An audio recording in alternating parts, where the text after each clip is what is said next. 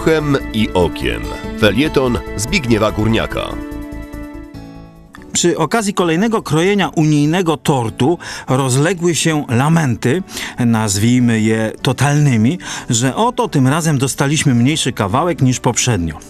Dla lamentujących ma to być żelazny dowód na to, że Unia nas nie lubi, bo my rzekomo nie lubimy demokracji, wolnych sądów, choć one są raczej powolne i bezwolne niż wolne, a także imigrantów oraz całego tego kulturowego bagażu, jaki oferuje nam europejski postęp w tęczowym opakowaniu.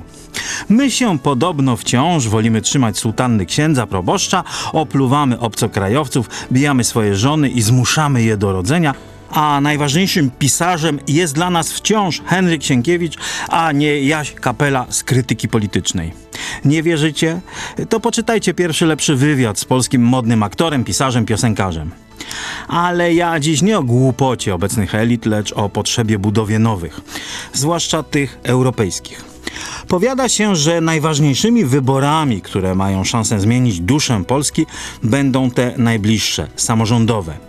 Bój szykuje się ostry, a w internecie już lecą iskry, leje się krew, ślina i żółć. Owszem, wybory samorządowe mogą stać się wielkim politycznym przełomem, tylko że moim skromnym zdaniem ważniejsze powinny być wybory przyszłoroczne. Te, które odbędą się w 2019 parlamentarne, ale nie do polskiego Sejmu, lecz do Europarlamentu. Utarło się przekonanie, że bycie parlamentarzystą w Brukseli to sowita emerytura lub słodkie zesłanie, jakie partie fundują swoim członkom, albo szczególnie zasłużonym, albo szczególnie uciążliwym, których chcą się pozbyć z kraju, ale ich nie skrzywdzić. Bardzo klawe życie.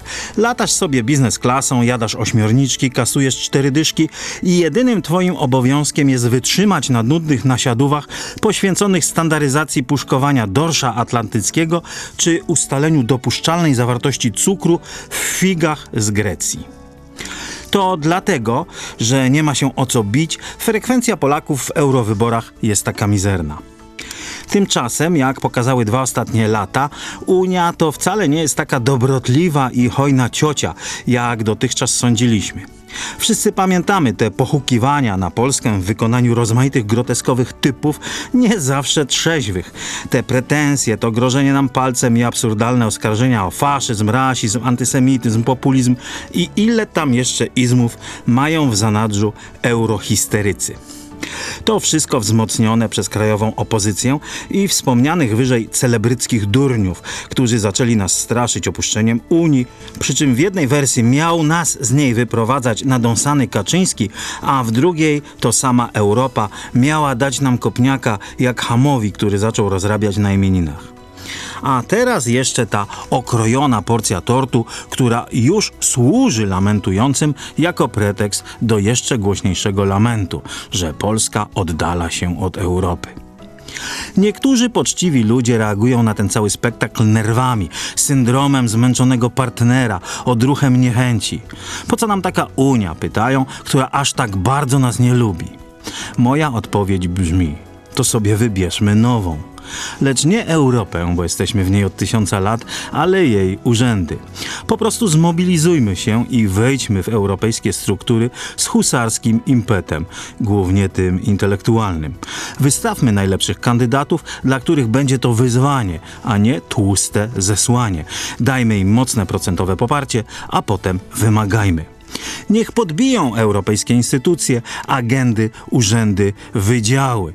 Niech pogonią z nich lewackie pokolenie 68 roku. Niech wywieczą europejskie salony i sale konferencyjne z marksizującego zaduchu. Niech zmienią sposób myślenia i działania tego brukselskiego Bizancjum. Niech wprowadzą tam dobrą zmianę.